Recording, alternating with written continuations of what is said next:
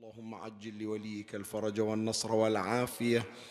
وانصره نصرا عزيزا وافتح له فتحا يسيرا وهب له من لدنك سلطانا نصيرا. رب اشرح لي صدري ويسر لي أمري واحلل عقدة من لساني يفقه قولي. يا كاشف الكرب عن وجه أخيه الحسين. اكشف كربي بجاه أخيك الحسين. نادي عليا مظهر العجائب. تجده عونا لك في النوائب. كل هم وغم سينجلي بولايتك يا علي. يا علي يا علي يا أبا الغوث أغثني. يا فارس الحجاز أدركني بلطفك الخفي ولا تهلكني. يا مولاتي يا فاطمة بنت محمد أغيثيني يا سيدتي. صلى الله عليك يا سيدي ويا مولاي يا رسول الله.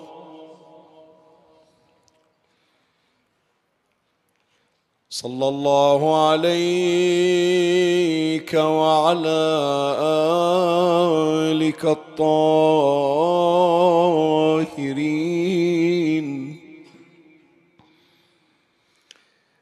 فاز من اعتصم بكم وأمن من لجأ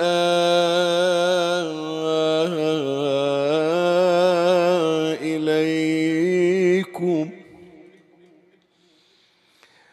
اللهم لعن أول ظالم ظلم حق محمد وآل محمد. واخر تابع له على ذلك. اللهم لعن العصابة التي جاهدت الحسين. وشايعت وبايعت وتابعت على قتله. اللهم لعنهم جميعا مئة مرة. السلام عليك يا أبا عبد الله. وعلى الأرواح التي حلت بفنائك عليك مني سلام الله أبدا ما بقيت. وبقي الليل والنهار ولا جعله الله آخر العهد مني لزيارتكم. السلام على السلام عليك سيدي يا عبد الله. علي بن الحسن. وعلى أولاد الحسين وعلى أصحاب الحسين مئة مرة اللهم لك الحمد حمد الشاكرين على مصابهم. الحمد لله على عظيم رزيتي. اللهم ارزقني شفاعة الحسين يوم الورود وثبت لي عندك قدم صدق مع الحسين وأصحاب الحسين الذين بذلوا مهجهم دون الحسين عليه السلام. سلام الله. وسلام ملائكته المقربين وأنبيائه المرسلين وعباده الصالحين وجميع الشهداء والصديقين والزاكيات الطيبات فيما تغتدي وتروح عليك يا ابن أمير المؤمنين. أشهد لك بالتسليم والتصديق والوفاء والنصيحة لخلف النبي المرسل والصبط المنتجب والدليل العالم والوصي المبلغ والمظلوم المهتضم. فجزاك الله عن رسوله وأمير المؤمنين والحسن والحسين أفضل الجزاء بما صبرت واحتسبت فنعم عقب الدار. لعن الله من ظلمك ولعن الله من قتلك ولعن الله من استخف بحرمتك ولعن الله من حال بينك وبين ماء الفرات.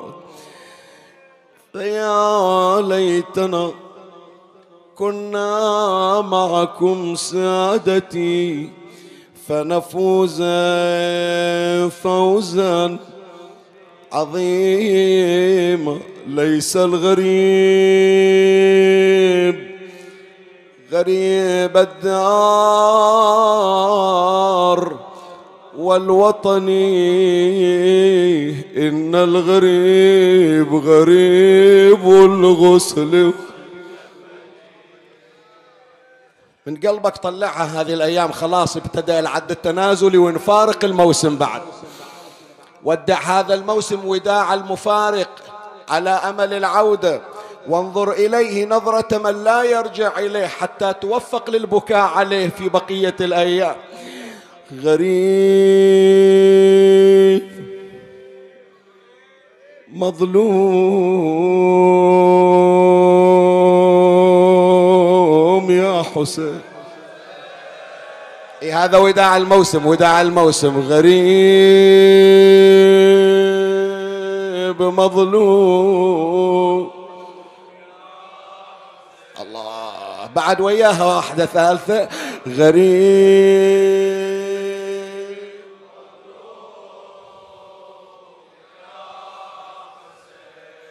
لم أنس سبط رسول الله منفردا. وفيه أحدق أهل الحقد والإحن. يرنو إلى الصوح فوق التور تحسبها بدورة من بدت في الحالك الدجن. لهفي له مذرأ العباس منجدلا. شلون حاله على الصعيد صريعا عافر البدن.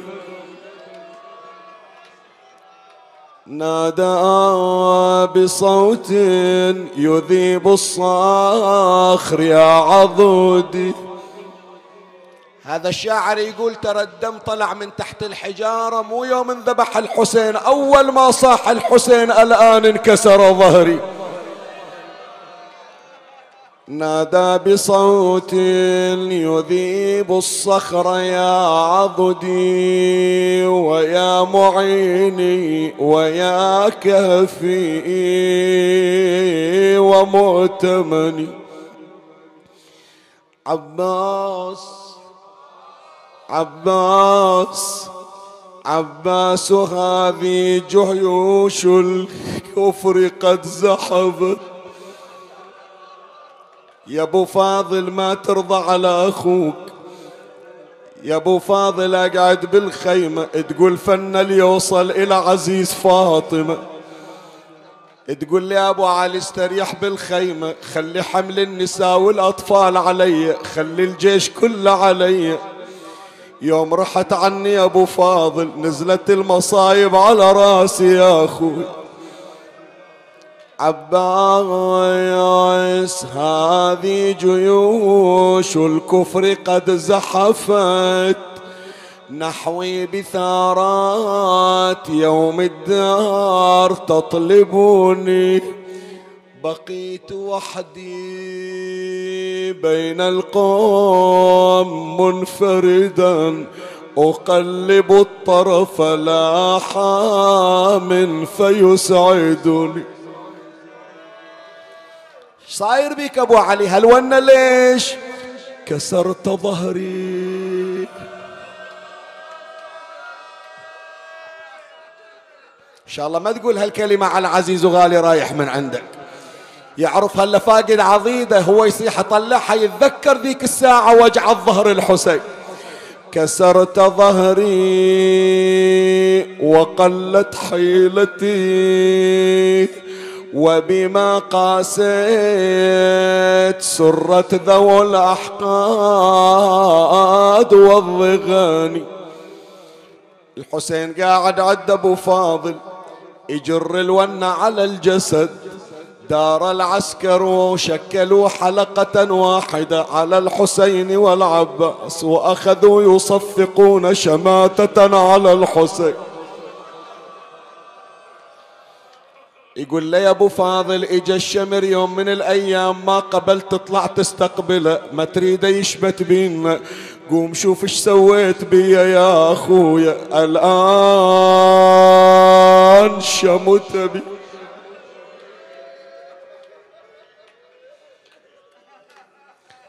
بقيت بعدك بين القوم منفردا. أقلب الطرف لا حام فيسعدني كسرت ظهري وقلت حيلتي وبما قاسيت سرت ذو الأضغان والإحني لمن اللواء؟ ضامين إلك يا أبو فاضل.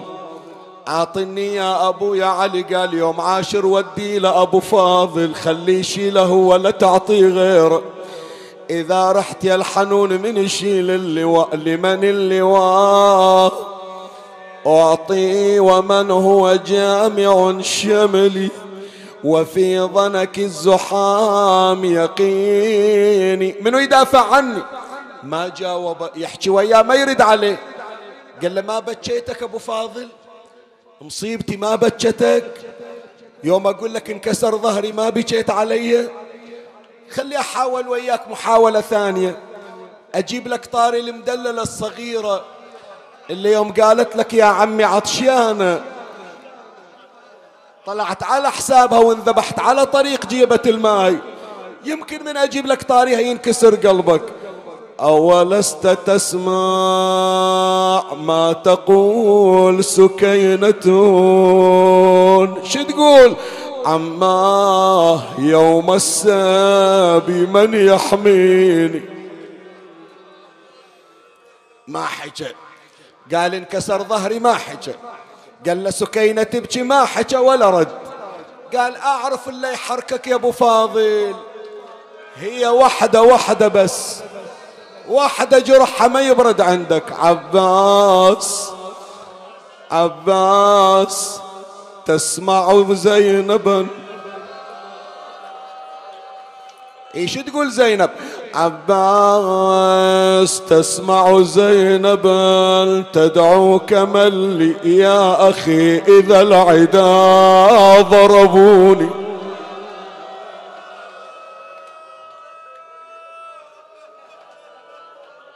إي والله انضربت ترها انضربت والله وداعتك.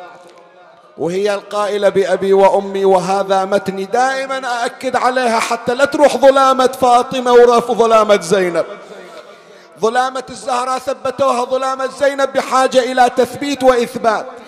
عباس تسمع ما تقول.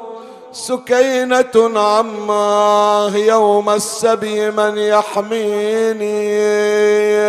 أولست تسمع زينبا تدعوك من لي يا أخي؟ إذا العدا ضربوني خويا الشمر والله ضربني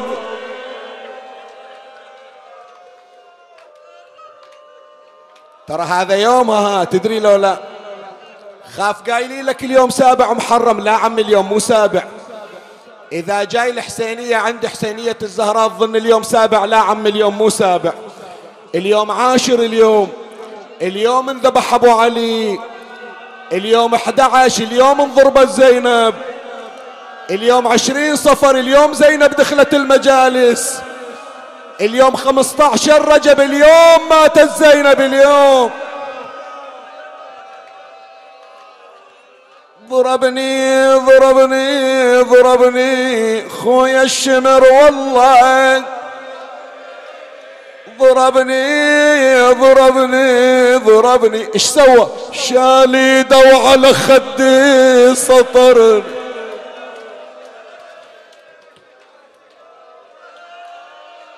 آه,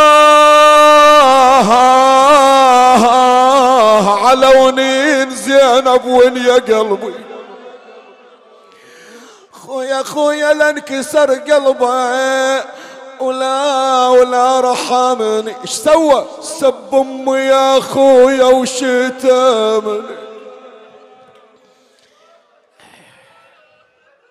أريد اليوم يوم مميز. أريد اليوم علامة فارقة بحياتك تقول هذا أفضل سابع أحييته على أبو فاضل. ما أقول لك خلي العالم أقول لك خلي الأكوان تسمع صيحتك. أريد حتى الملائكة تنشغل تقول إحنا الون عدنا بالسماء لكن أصوات شيعة العباس طلعت عدنا إلى السماء. اليوم عمي مو بس دمعة اليوم صيحة اليوم صيحة ويا صيحة الحسين. بس عمي قبل لا أقرأ لك الأبيات أسألك سؤال. عمي القاعدين كلكم أتصور يوم من الأيام صارت عندكم حوائج وقريتوا فاتحة الأم البني رد علي عمي لا تبكي. قصرت وياك خيبتك يوم من الأيام طلبت من عندها حاجة وما عطتك ما فزعت لك. طوال السنة بل طوال العمر وأم البنين حاضرة ويانا. عمي اليوم عندها فاتحة. فاتحة وليدها المدلل قمرها راح انخسف وبعيدة عنا غريبة ما حطوا فاتحة عليه. فيكون الطيب خاطرها. خلي الصوت تسمع ويا الدمعة. وطلعت زينب حافية القدمين رايحة تريد تشوف أخوها. اسمعها بالطريق شو تصيح زينب. يا كربلاء! احكي لي الصدق. ردي علي يا نينوى صار بقلب بنت فاطمة؟ من طاح شيال اللواء. عفي عليكم ويا يقرأها. يا كربلاء احكي لي الصد ردي علي. يا نينوى. يا نينوى. صار بقلب بنت فاطمة؟ من طاح. قالت لمن جاه الخبر؟ طلعت من الخيمة عثر شافت أخوها على النهر. شلون حاله؟ دمومه مخه سوى. طيح مخه رد علي طيح مخه. المخ شلون طاح من الراس؟ علمني إيش صار عليه؟ يلي قليت للدللي يلي قليت للدللي تدري جرى يا كافلي. جرى؟ صار الشمير عقبك ولي وصوته تقبل يا شيال اللواء يلي قليت للدللي تدري جرى يا كافلي. صار الشمير عقبك ولي. تقبل يا شيال اللواء. يلي جنيت لختك خدر. اسمعني. يلي جنيت لختك خدر لما انطحيت طاح الستر. ما اعطيتني مهلة. يلي جنيت لختك خدور لما انطحيت طاح الستور خويا ضرب ظهر الشمس وصوته على متن التوى. ضربني بقوة بالصوت وقال لي ليش ما صحتي؟ وكابر على ألم قوة وحط ايدي على خاصرتي.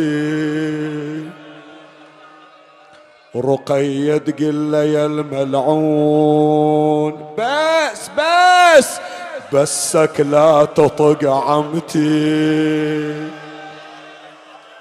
ما تقلش رايد من عدنا نسوان وكافل ما عدنا. وين كافلك راح؟ إلا شايله راسك تقول أخت عباس وين راح عنك؟ يا زينب وين أخوك القال؟ أنا أتكفل بخدرك. لخلي الصوت يا زينب ياكل من لحم ظهري. يا زينب راح أبو فاضل خل عباس يحضر لك وينه؟ جسمه على طشاط مقطعينه جثة بلا راس مخلين دارج دارج دارج يا زينب وين تالي الزمن كل المجلس خليه يصيح دارج دارج دارج وبقى الظلمة عقب الحسين. رزقكم الله عناية العباس في هذا اليوم. صيح بأعلى صوتك دارج يا زينب من اللي عقب عباس. دراج دراج كنت مدللة وصرت سبيع كنت مدللة وصرت.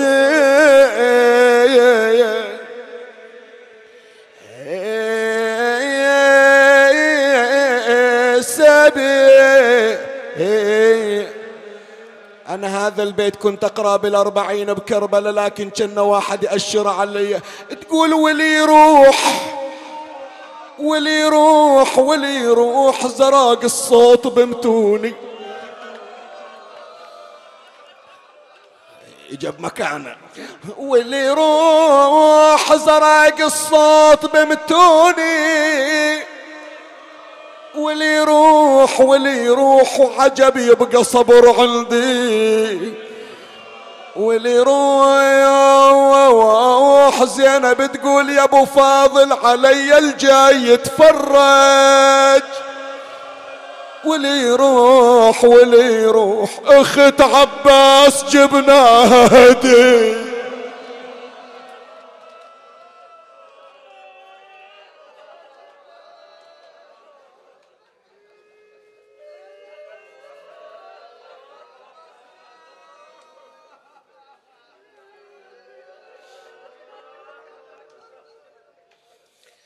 إنا لله وإنا إليه راجعون.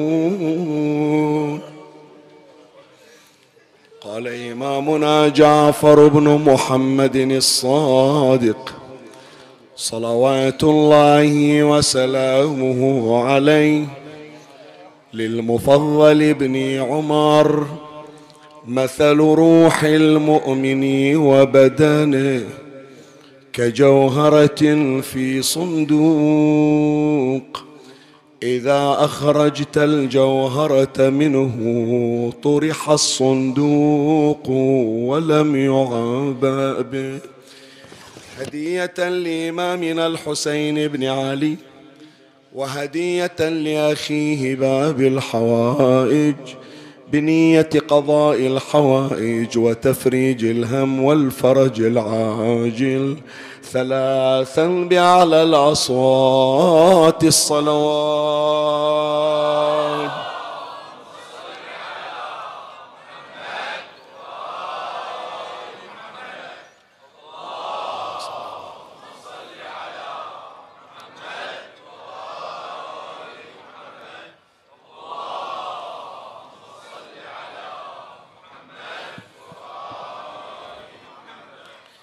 من أروع الأمثلة التي ضربها الإمام الصادق عليه السلام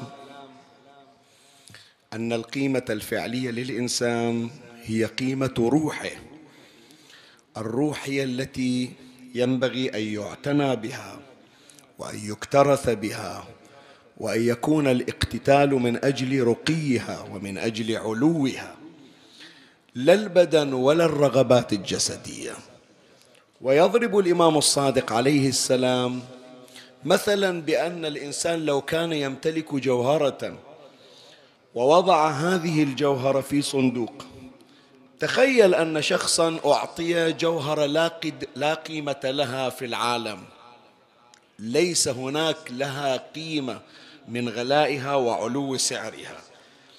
فوضعت في أفضل الصناديق وكان ذلك الصندوق في حالة من التزيين بما يناسب قدر الجوهرة فلو أن هذا الشخص فتح الصندوق واستخرج الجوهرة وألقاها في المزابل واكترث بالصندوق ماذا يقال عنه أقل ما يقال عنه أنه مغفل أو أحمق أو لا يمتلك عقلا. كلنا نضحك عليه. ولو رأينا شخصا من هذه النوعية لأستخدمناه أضحوكة ولجعلناه سخرية.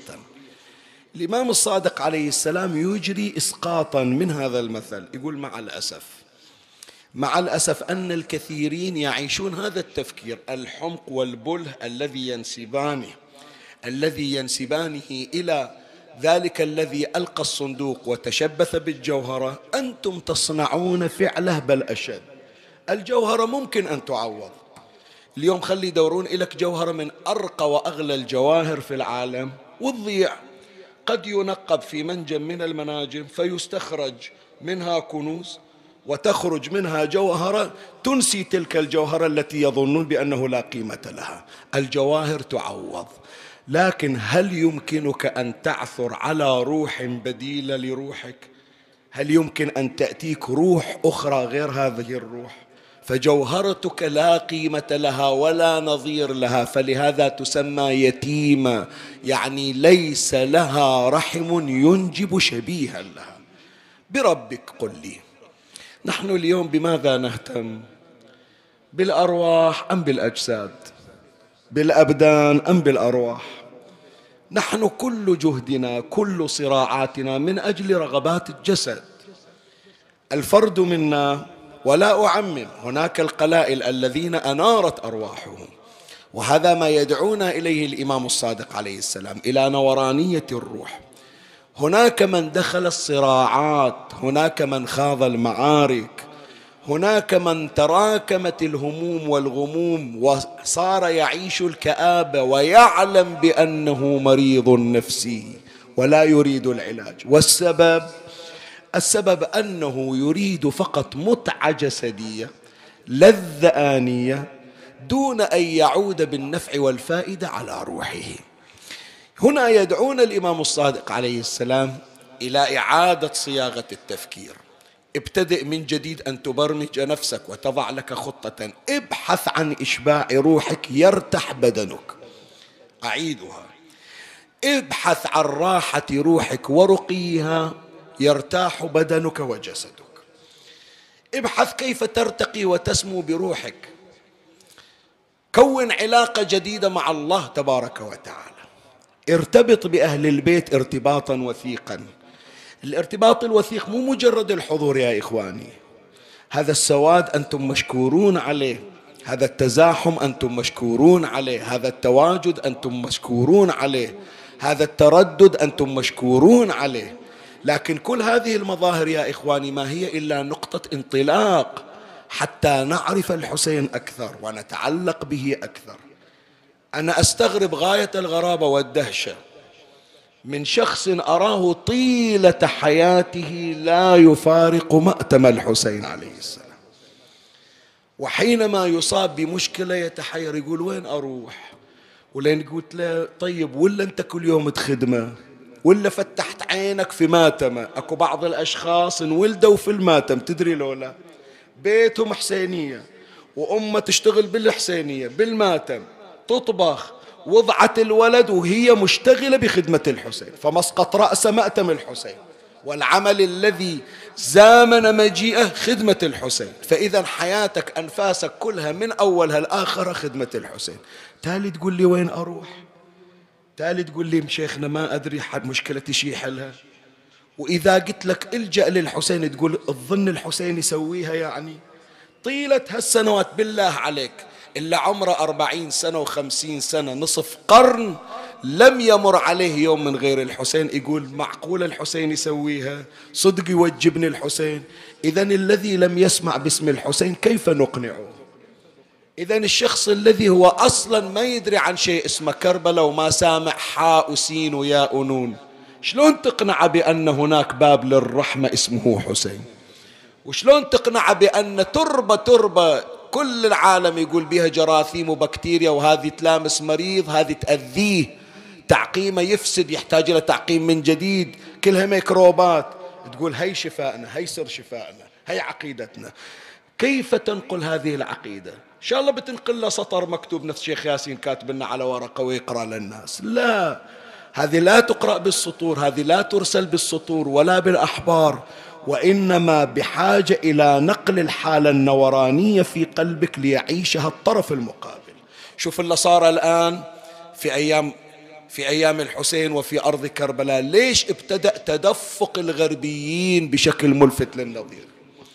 شايفين ملفت للنظر جايين اليوم واحد ورا الثاني ودعوات من الكنائس. روحوا كربلاء.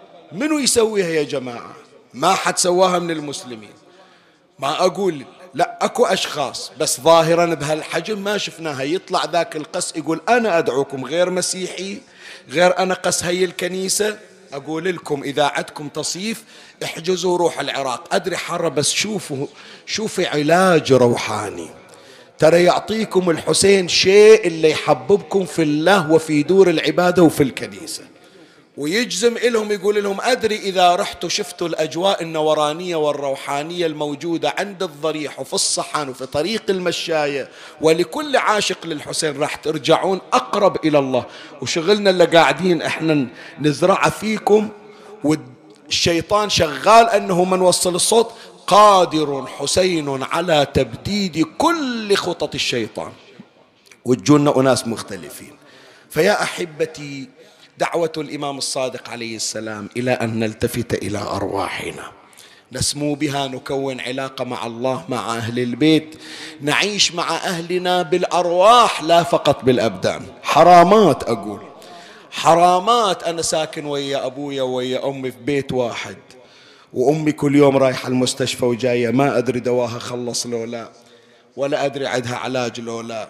وأسمع من الناس أبوك صار له يومين منوم في المستشفى وراح يسوي عملية وتقول والله ما رسلوا لي بالواتساب ما خبروني. أنا أصعد الشقة وأنزل ما أدري. وإحنا اجتمعت أبداننا لكن تفرقت شنو؟ أرواحنا. إحنا نريد نفس ما جمعنا الحسين ابدان نجتمع أرواح. وهذا التلاحم الذي تراه الآن مع هذا الوقت القائض ينبغي أن تكون هناك حالة من الانصهار في أرواحنا بحيث من أكون أنا ببيتي وأقول أخ تسمعها وأنت في آخر الدنيا تقول شيخ ياسين إيش فيك؟ حسيت بقلبي شيء. من وين جبناه؟ هكذا جمعنا حسين عليه السلام. نقطة آخر السطر أتي إلى مطلبي لبحث هذا اليوم. الإمام الصادق عليه السلام لما ذكر بأن الروح كالجوهرة ما يريد يقول أن أرواحنا على شكل جوهرة لا. الأرواح لها أشكال مختلفة. في عالم البرزخ إذا خرجت هذه الأرواح من الأجساد وانتقلت إلى عالم البرزخ هناك أشكال أخرى مختلفة لها. ما هي صور الأرواح في عالم البرزخ؟ هذا بحثي لهذا اليوم. أراعي طبعا من اليوم وصاعد بعد خلاص راح نقلل من حصة الموضوع. باعتبار عندنا وقت لابد أن يكون مهيأ لذكر مصاب أهل البيت عليهم السلام. فكلها في سبع دقائق فقط وأختم الحديث إن شاء الله. أشير إليك إلى صور الأرواح في عالم البرزخ ومن الله أستمد العون والتوفيق ومن مولاي أبي الفضل العباس المدد ومنكم ألتمس الدعاء وثلاثا بأعلى الأصوات. صلوا على محمد وآل محمد.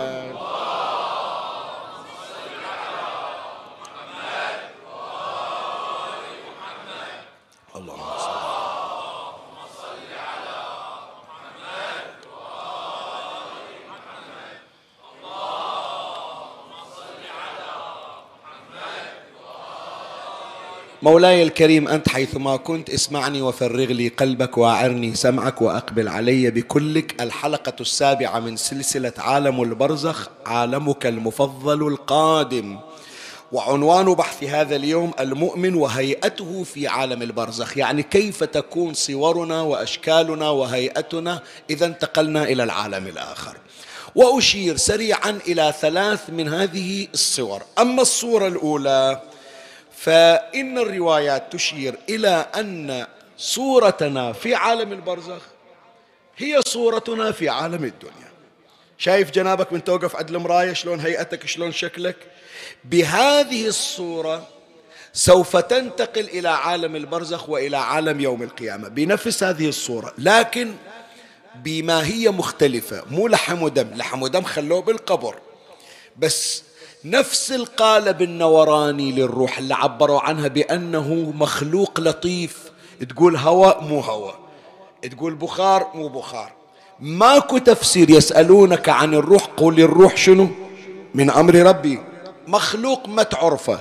لكن هذا المخلوق سواء من أي تكوين كان يحمل صورتك التي تراها في المرآة. هذا ما أخبر عنه إمامنا الصادق عليه السلام في بحار الأنوار الجزء السادس صفحة 229 قال فإذا قبضه الله المؤمن يعني إذا فإذا قبضه الله إليه صير تلك الروح إلى الجنة في صورة كصورته. يعني مثل هيئته في الدنيا هي هيئته إلى في عالم البرزخ وفي الجنة. نفس الهيئة نفس الشكل.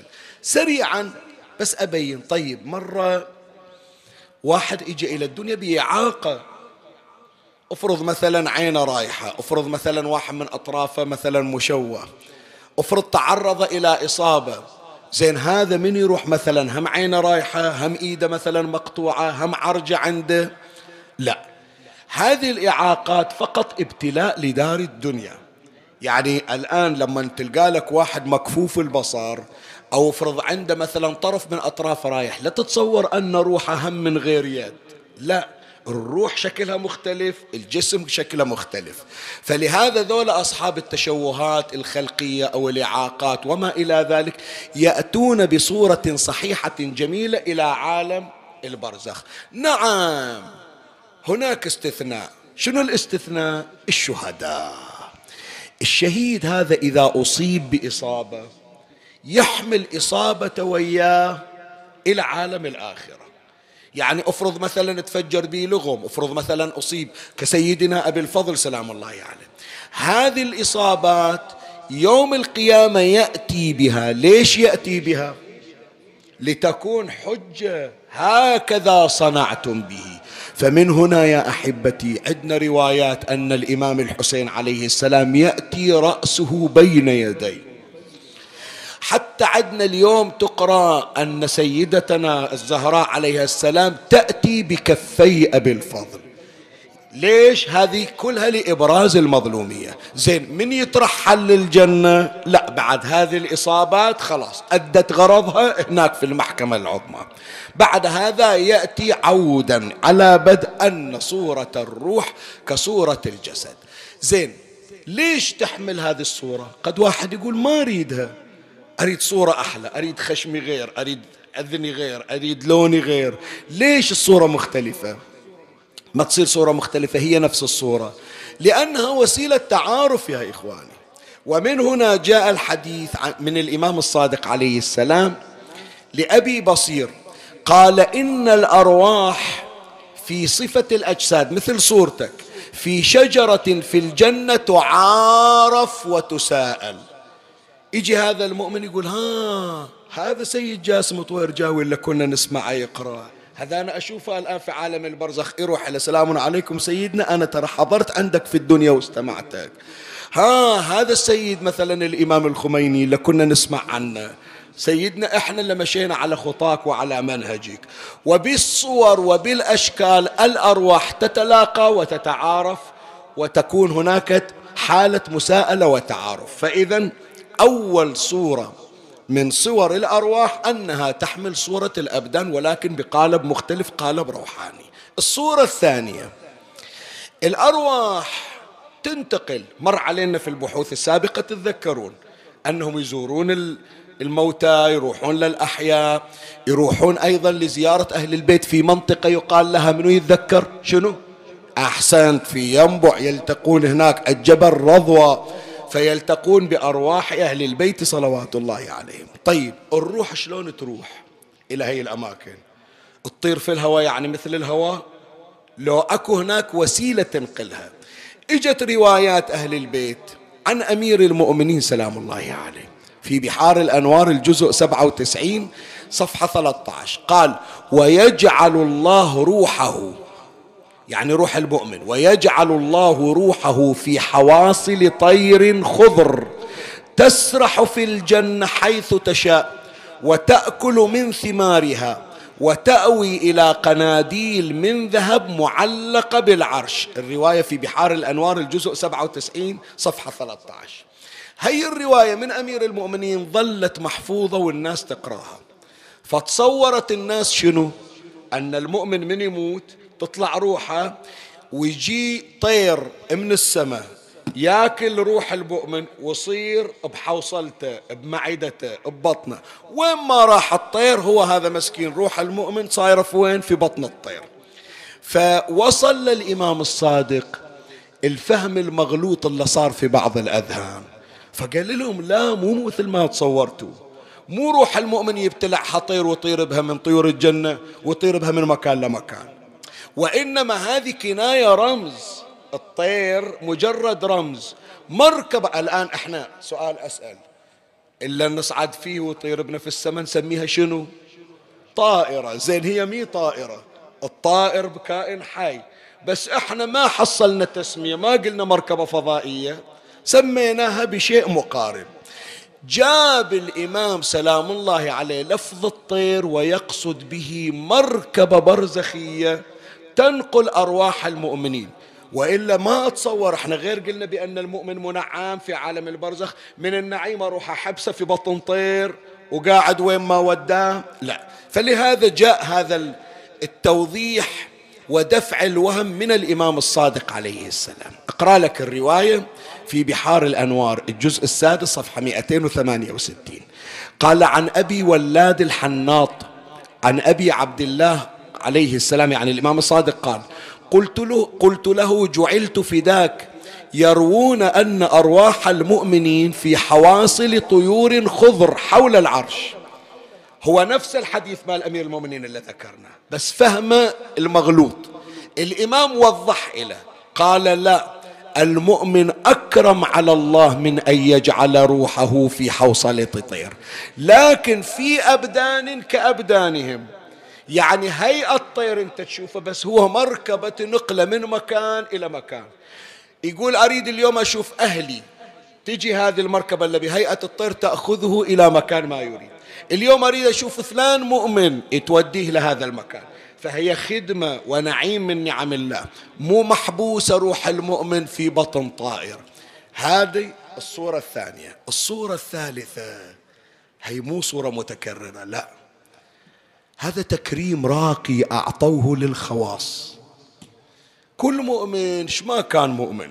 من يموت ويحب أنه يتنقل. أكو هناك مركبة على هيئة طير تأخذه وتوديه وين ما يريد يروح.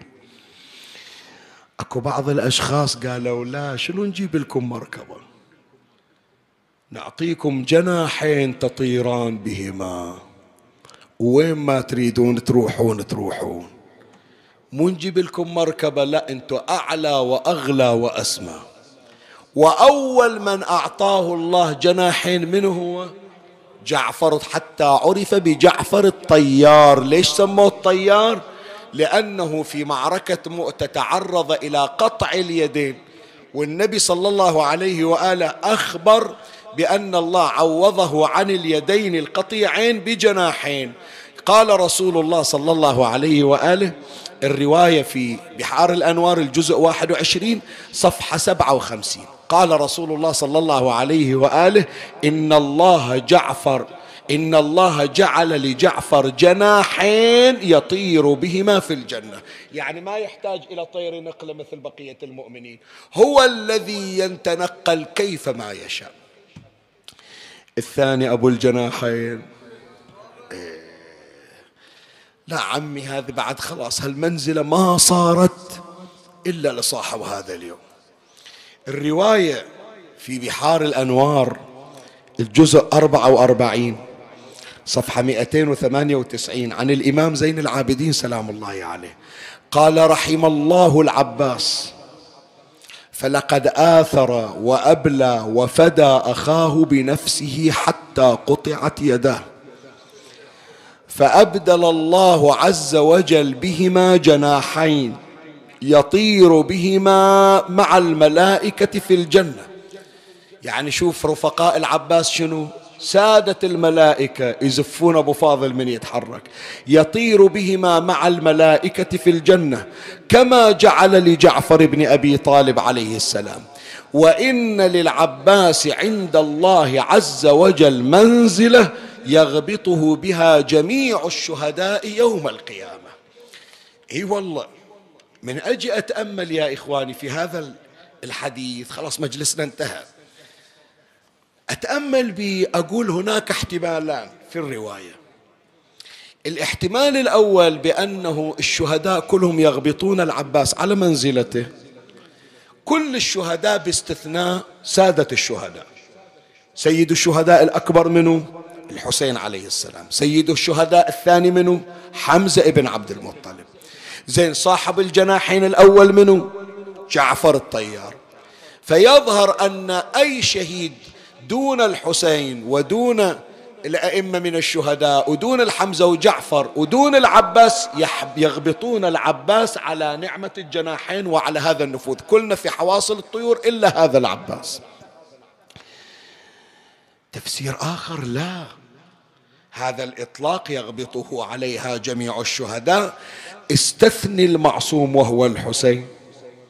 استثني أمير المؤمنين. استثني السادة من آل محمد صلوات الله عليهم. حتى الحمزة وجعفر يغبطان العباس على ما أعطاه الله من الفضل بمقتضى هذا الإطلاق نشيل الحسين لأنه سيد شباب أهل الجنة لا لا يقاس بالحسين دون من هو دون الحسين. لكن منزلة الحمزة منزلة جعفر نقول يا هو العباس لو الحمزة وجعفر. قد يكون من هذا النص يستفاد أن هناك إطلاق له منزلة يغبطه عليها حتى حمزة وحتى جعفر. جعفر يقول أنا عندي جناحين لكن مو مثل جناحين أبو فاضل. ولهذا أكو رواية جميلة خلاص أقراها وأختم حديثي المجلس إجا بعد هو هذا قوريزي الرواية يذكرها الشيخ المازندراني على الله مقامه في معالي السبطين صفحة 417 يرفعها إلى كتاب مهيج القلوب. تصور مهيج القلوب المصدر ماله. يقول ليلة 21 شهر رمضان أمير المؤمنين أوصى جميع أولاده. العباس بأبي وأمي عمره 14 سنة. أشر عليه أمير المؤمنين قال له تعال أبو فاضل اقعد يمي عندي حكاية وياك. قام العباس إجا طفل بعد ولد بسن المراهقة لكن شنو من بطل؟ هالولد هذا عمي من طب صفين حير العقول؟ قالوا علي خرج علينا. صح تسمع 14 سنة لكن بقالب علي بطول علي بهيئة علي حتى في روايات أن أمير المؤمنين لبس ثيابه وهو ولد شاب طويل القامة بأبي وأمي. إجا قعد يم أبو انق راسه. قال له ارفع راسك أبو فاضل. ستقر عيني بك يوم القيامة. أنا قاعد أضرب مثل باخويا جعفر وجعفر الذي يضحي ويمسي يطير مع الملائكة ابن أمي. بس يوم القيامة راح تجي أنت وأرفع رأسي وأقول شوفوا هل يطير بالجناحين الاخضرين هذا ولدي هذا أنا اللي مربنا هذا أنا اللي صنعته. هذا أنا اللي اشتغلت عليه وخليت أم أم البنين تدير بالها عليه. وخليت المعلمة إلى أخت زينب من يوم هو طفل تو جاي للدنيا ما شالته أمه ولا مدت إيدها عليه شالته زينب وقمطته وجابته إلي. هذا نحن مربينا هذا الصناعة العلوية هذه التحفة العلوية. من أشوفك يا وليدي تطير بالجناحين في الجنة. أقول شوفوا هالولد. إلا رفع روسنا وخلانا نتونس. بس أبو فاضل هذا ما يذكره المازندراني قال له نعم يا أبويا. قال لي يا بني إذا دخلت النهر يوم عاشوراء لا تشرب الماء وأخوك الحسين عطشان دير بالك أبو فاضل. أريد يضربون بيك المثل يسمونك أبو الوفا. أريد هذا المشهد يبقى في مسمع الدهر إلى قيام الساعة. يقولون إيش قد شفنا أوفياء لكن مثل وفاء أبو فاضل ما شفنا. قال له يا أبويا ومنو يسمع عن الحسين يصيح وحق جدي؟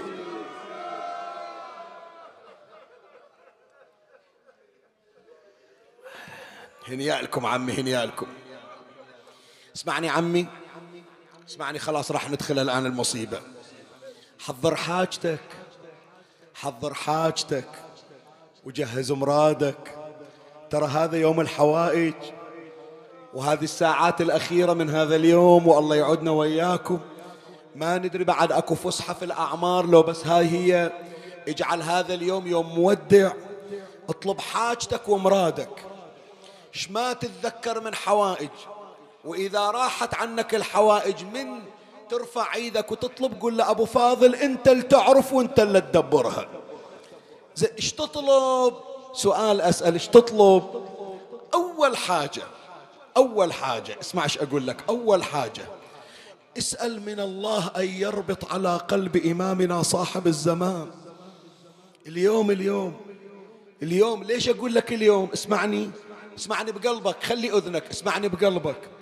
عمي إمامنا صاحب الزمان يقول فلأندبنك صباحا ومساء ولأبكين عليك بدل الدموع دما. يعني شنو؟ سؤال شباب شنو يعني؟ يعني تجيني في ربيع تجيني في شوال تجيني يوم الغدير تشوف عيني حمراء الدم يسيل حزنا على أبي الحسين. أنا أسألكم شباب إذا كان في سائر الأيام الإمام يقول يبكي دم على جده. عقب يومين ثلاثة إيش بسوي يوم عاشر صاحب الزمان؟ فكر فيها عمي إيش راح يسوي؟ شنو من مصيبة؟ أنا شايف ببعض التغريدات والرسائل وبعض اللي يتصلون يقولون شيخ نحن ننتظر يوم سابع لكن ما نقدر نسمع مصيبة العباس. نتصور حالة الحسين وحالة زينب وحالة أم البنين. زين شلون نقدر نسمع مصيبة الحسين؟ قريت يا جماعة أكثر من عشرين سنة في ماتم المحموديات بكرانة يتذكرون الجماعة. عندي جماعة منهم أبويا الله يرحمه رحمة الأبرار. يوم عاشر يقول لي ياسين ما أقدر أجي ما أقدر. مصيبة الحسين ما أقدر. اقراها لكن لا تفصلها تريد تفصل ما أقدر. وشفت ناس طلعوا من المجلس. عمي إذا كانوا الناس ما شافوا الحسين ولا عرفوا الحسين معرفة حقيقية هذا حالهم. صاحب الزمان لازم يجي يرعى المجالس شي يصير بقلبه؟ لو كشف عنا الغطاء لعله يلطم على راسه لعله فاسأل من الله أن يربط على قلب إمامنا وقول له سيدي خلني أشارك وياك المصيبة. حط همك على همي. أنا أموت ويبقى نفسك سالم يا مولاي. واطلب حوائج إخوانك المؤمنين. اتذكرهم لا تنساهم. كل من طلب حاجة المرضى اللي عندهم عمليات مقبلة اللي يتلقون علاج بالكيماوي المحرومين من الذرية اللي عندهم أولاد يريدون صلاحهم ستر الأعراض النجاح والتوفيق حل المشاكل العالقة. كل من سألونا الدعاء. والحاجة الثالثة الأربعينية جاية. أطلبها من أبو فاضل. أطلبها من أبو فاضل اليوم. قل له سيدي هالسنة ما أريد تمر وما أروح. دبرها شلون تدبرها؟ أنت أخو زينب. أريد القعدة هناك بالصحن. حتى مثل اللي عام تتذكر اللي لقيتني لو لا أشوفك. من لقيتك هناك عند أبو فاضل قلت لي شيخنا سواها أبو فاضل وجابني.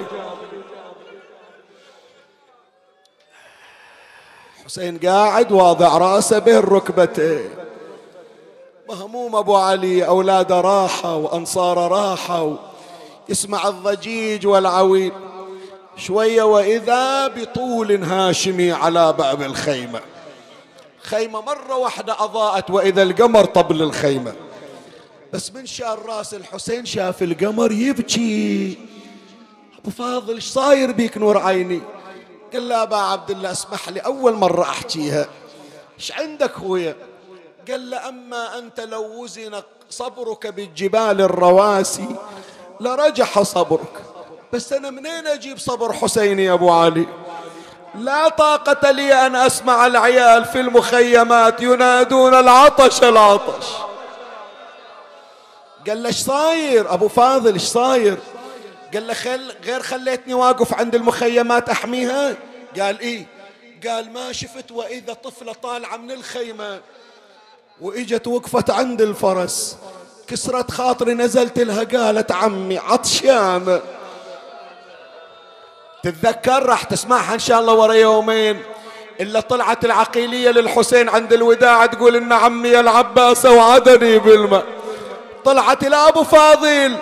وظلت واقفة على باب الخيمة تقول الآن يجي الكفيل الآن.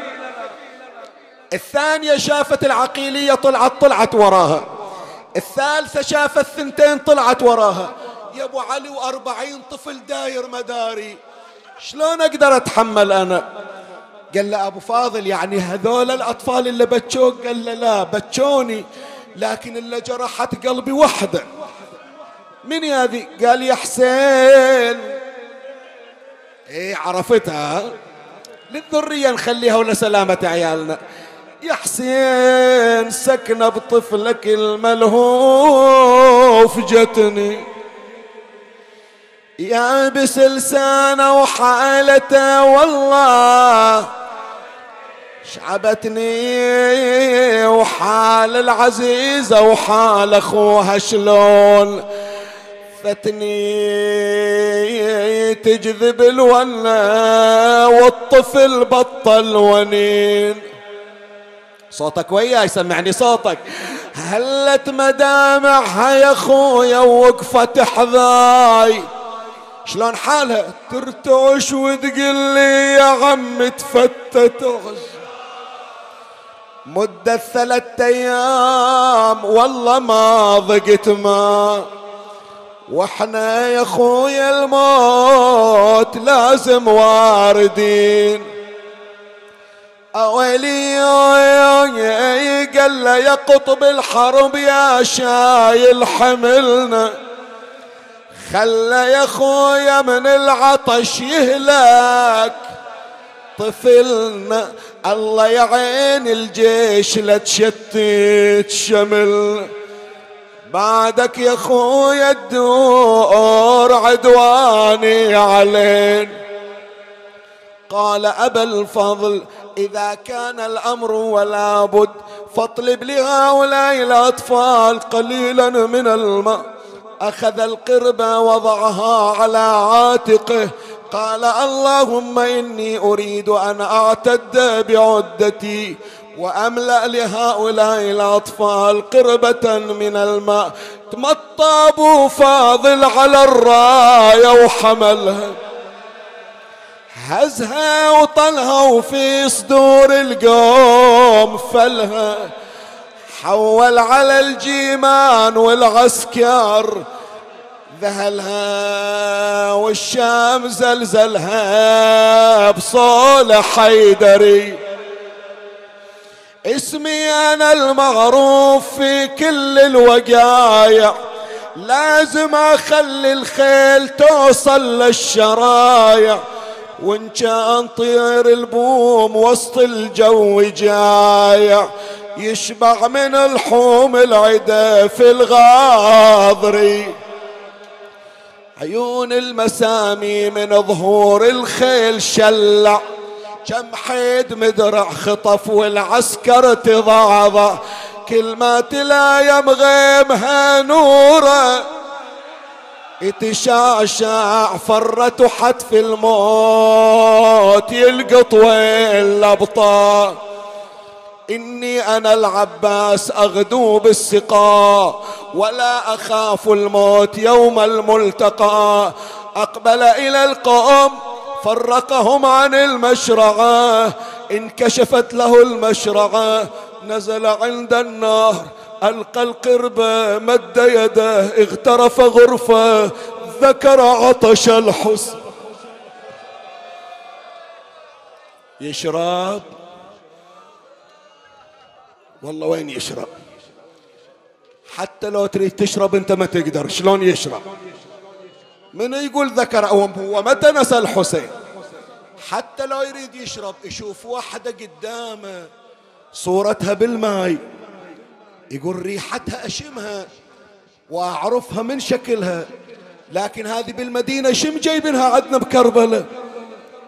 تقلب ترباتك سهرت الليل وياك. عرفتها؟ تقلب ترباتك سهرت الليل وياك كله علشان حسين هالتعب على رباك أقسم عليك بدر لبن صدري الغذاك الك البيت لا من دخلت المشرعة.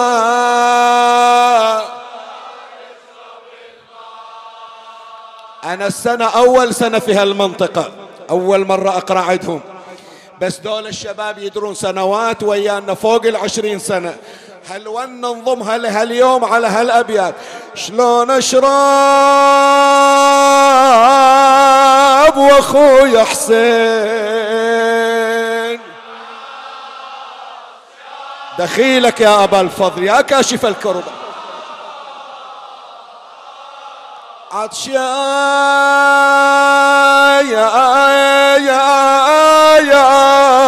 وسكنوا الحرم وأطفال.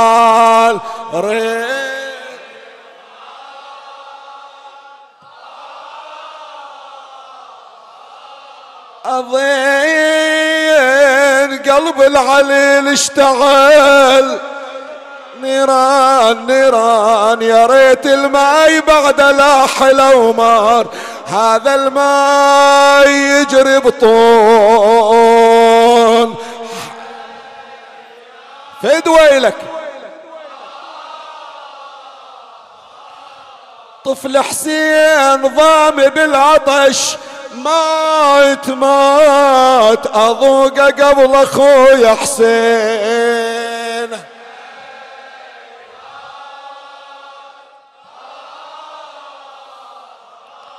ملا عطية يقول ظل بالضمى ساقي العطاشة وطلع بالجود والدرب بينه وبينه حسين مسدود.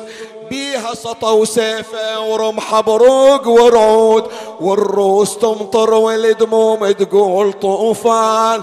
وكريت ناخ الجيش وحسين انت خوصان عباس باليمنه وصبوا على العسكر من الصوبين زلزال والكل قصد خيا ورفيف العلم. نش شو صف عايلهم بهالكوفان الاثنين؟ جنها زلازل نازلة على الجيش صوبين شنه الزلازل من عزم عباس. عافت ملازمها وخلت حومة الميدان. وإذا بصوت عمر بن سعد فرقوا بين الأخوين. لئن وصل العباس بالماء أفنوكم عن آخركم. فرقوا بين الحسين والعباس يا الله. وبقي القمر وحيدا بلا ناصر. تراكمت عليه غيوم العساكر. أقبل إليه حكيم بن الطفيل. يا الله هذه الكف اللي تعطيك الحاجة هذه الكف اللي تعطيك الامراض ضربه بالسيف على يمين.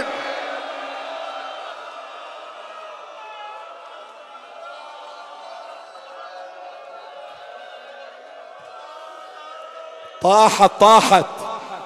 شف الكرم طاحت. شف الحوايج طاحت. قام يشوفها أبو فاضل شلون الدم ينزف منها. اسمع شي يصيح ذيك الساعة. آه يا إيدي صافحت إيد الوديعة. آه يا إيدي. ضاعت أختي شلون ضيع. إذا أرجع الخيمة شلون أسلم على أختي زينب؟ لو أرجع بيد مقطوعة وزينب تمد إيدها أسلم عليها بشنو؟ والله انقطعت مو يميني إني أحامي ابدا عن ديني وعن إمام صادق اليقين دار عليه حكيم بن الطفيل. رفع السيف حتى لاح بريقه. ضربها على شماله فقطعها. صار الزن صار الدم ينزف من الذراعين. نادى عمر بن سعد صوبوا عليه السهام. أقبل أربعة آلاف سهم دفعة واحدة. صرخات صرخات. السهم الأول أصاب القرب وثبت في خاصرته. يا الله السهم الثاني ثبت في قلبه. مرادك مرادك حضر مرادك. أقبل حرملة بن كاهل. أين يمينك يا عباس؟ أين شمالك يا عباس؟ ما أتيتني والسيف في يميني. وضع السهم في كبد القوس. صوبه نحو قمر بني هاشم. أقبل السهم يشق الفضاء. وقع في عينه اليمنى. ما توقف إلا في دماغه.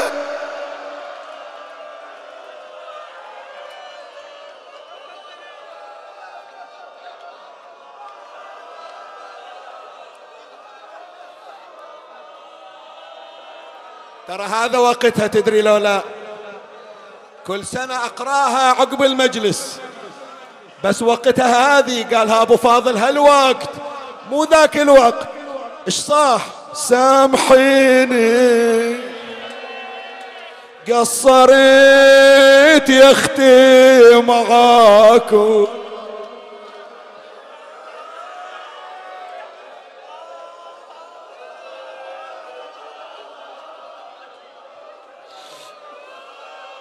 تخليني أكمل سامحيني قصرت. معاكم سامحيني شلون أطلع من جزاكم؟ سامحيني من طحيت الشمر جاك ابو فاضل. ولد أخوك طاح وطلعت إله ولد أخوك الأكبر طاح وأنا طلعت له والحسين اجى شايل القاسم وطلعت إله وحتى الرضيع طلعت إله أخليك؟ ما أخليك أطلع وأجيلك. لا تجيني. لا تموت من ونين ليش لا تجيني مقطعة ما اكره أنت اللي تكره لا تجيني. السهل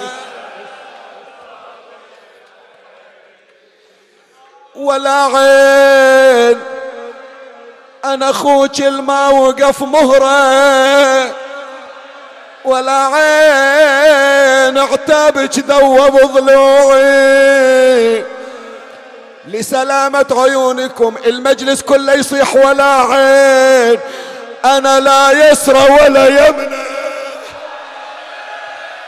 ولا عين ولا عين يا زينب خفي عتابك علي.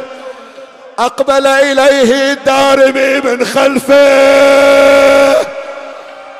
وبيده عمد من حديد. والعباس مطرق براسه. وقد وقعت العمامة من عليه. وأشرق النور إلى السماء. ضربه بالعمد على رأسه. تكسر عظم رأسه. سال مخه على كتفه وقع على الأرض. ليس له كفان غاصت السهام في جسده.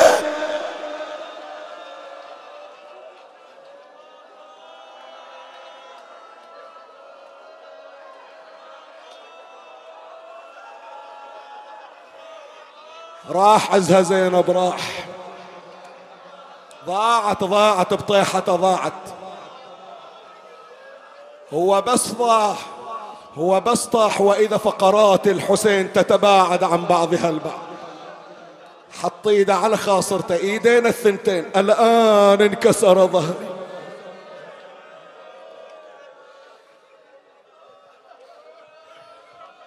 إن شاء الله ما عندي أخو خلى أخوه بالمستشفى. قال له يا أخوي رايح إلى الأغلى من عندك. انت غالي لكن رايح إلى الغالي والأغلى من الغلام إذا عندكم مرضى اذكروهم نطلبهم في الحاجة. اجا وقعد عند راس أخوه. وين يأذيك يا أبو فاضل؟ كلك دم ما أشوفك. وين أكثر مكان يأذيك؟ راسك هالمفتوح قال له لا يا أخويا. هالعين اللي انطفت هذه اللي تأذيك؟ قال له لا يا أخويا. هالجفوف المقطعة يوجعونك؟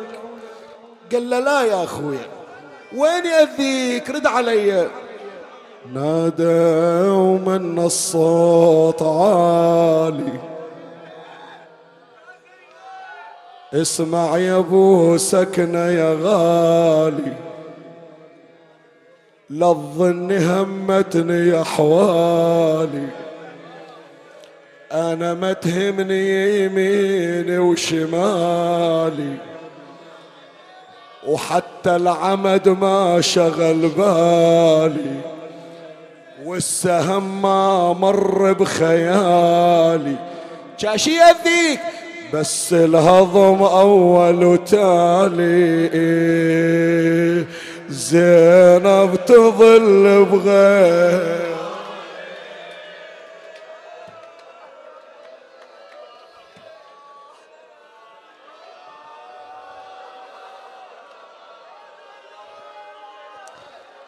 خلاص عمي أقرأ لك أكثر بعد؟ ما تعبتوا من البارحة لليوم؟ شنو هالضجيج؟ إيش خليته لعاشر؟ بس هي هذه آخر مسك الختام الفصل الأخير. يقول له أبو علي أربعة وثلاثين سنة عمري والحرقة بقلبي مي راضية تبرد. قال له اسم الله عليك من شنو؟ قال له يا أخويا من يجونك إخوانك توقف وتشبقهم بالأيادي. ولا يحصل حضن الحسين وين يخليه هي الزوار إذا واحد مسك الشباك ما خلاه شلون إذا خلى حضن الحسين؟ إلا أنا يا أخويا. أشوفك وأشوف إخوانك محمد وغير محمد حضنك طلعتنا من مكة. وما رضى يخليك إلا أنا الحسرة بقلبي. أتمنى أضمك لصدري وما أتجرأ. قال له ليش أبو فاضل غير أخوك؟ أنت أغلى إخواني. قال له يا أبو علي أنا الا ولد الخدامة. أنا أمي خادمة عندكم. والخادم شلون يتجرى ويرفع عينه بوجه المخدوم؟ شلون أضمك؟ قال له لا يا أبو فاضل أنت مو ابن الخدم. أنت عز الإخوة اللي عنده أخو مثلك يشيل راسه. وإليش إذا أنت ما حضتني أنا الآن أضمك ضمة إلى صدري مالت 34 سنة. الآن ولا يصير بخاطرك. أحضنك وتحضني. قال له بويش أحضنك؟ ظلت عند جفوف اضمك بيها. قال له عباس إذا أنت ما عندك جفوف أنا عندي جفوف أنا أشيلك من على التراب وأحطك على صدري وأشبق عليك. وأقبلك وتقبلني. حمله حسين وضعه على صدره. ضمه بكل قوته. العباس راد يحضن أخوه ما وصلت أيادي. نادى حسين سامحني. حسين في أمان الله وفاضت روحه الشريفة. ألا من مناد وعباس.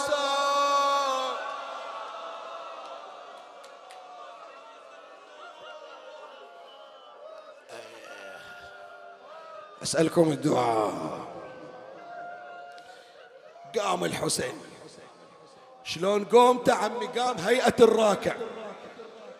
مو راضي ظهره يعتدل. لا منحني.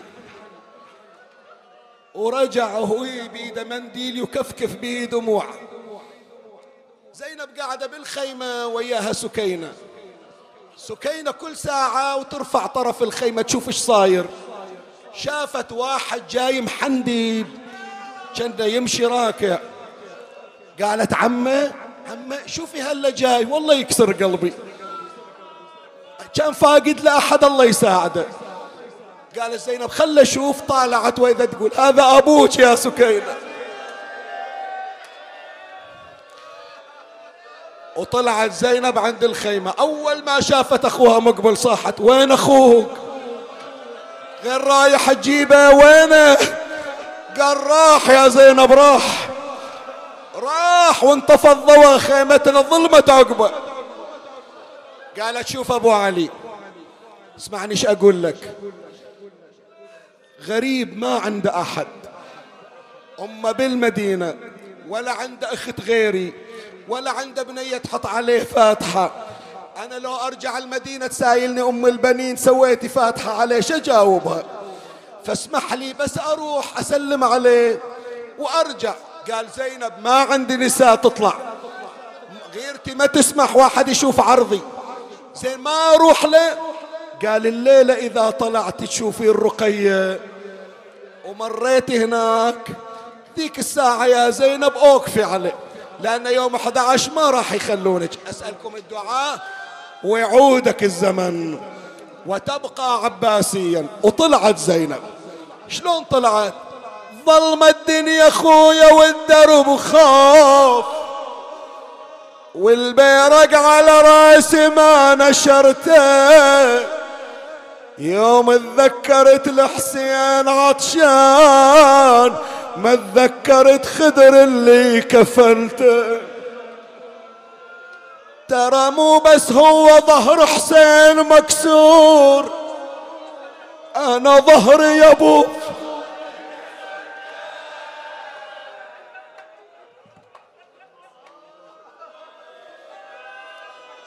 سايلت زينب وين بتروح؟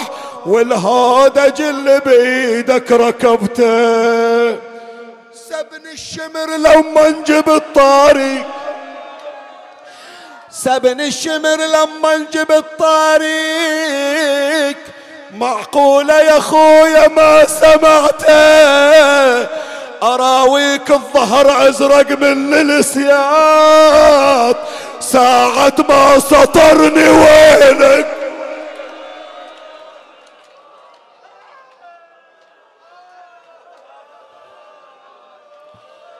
يا كاشف الكرب عن وجه أخيه الحسين. اكشف كربي بجاه أخيك الحسين. اقض حوائجنا وحوائج المحتاجين. فرج عنا وعن المؤمنين. بلغهم مرادهم سر قلوبهم اكشف بلاهم. عوضهم بأجمل العوض اجعلهم مرضين عند الله وسادتنا الطاهرين. ترحم على أمواتي وأموات الباذلين والسامعين والمؤمنين. أوصل لهم جميعا ثواب هذا المجلس الشريف وبلغهم ثواب الفاتحة مع الصلوات.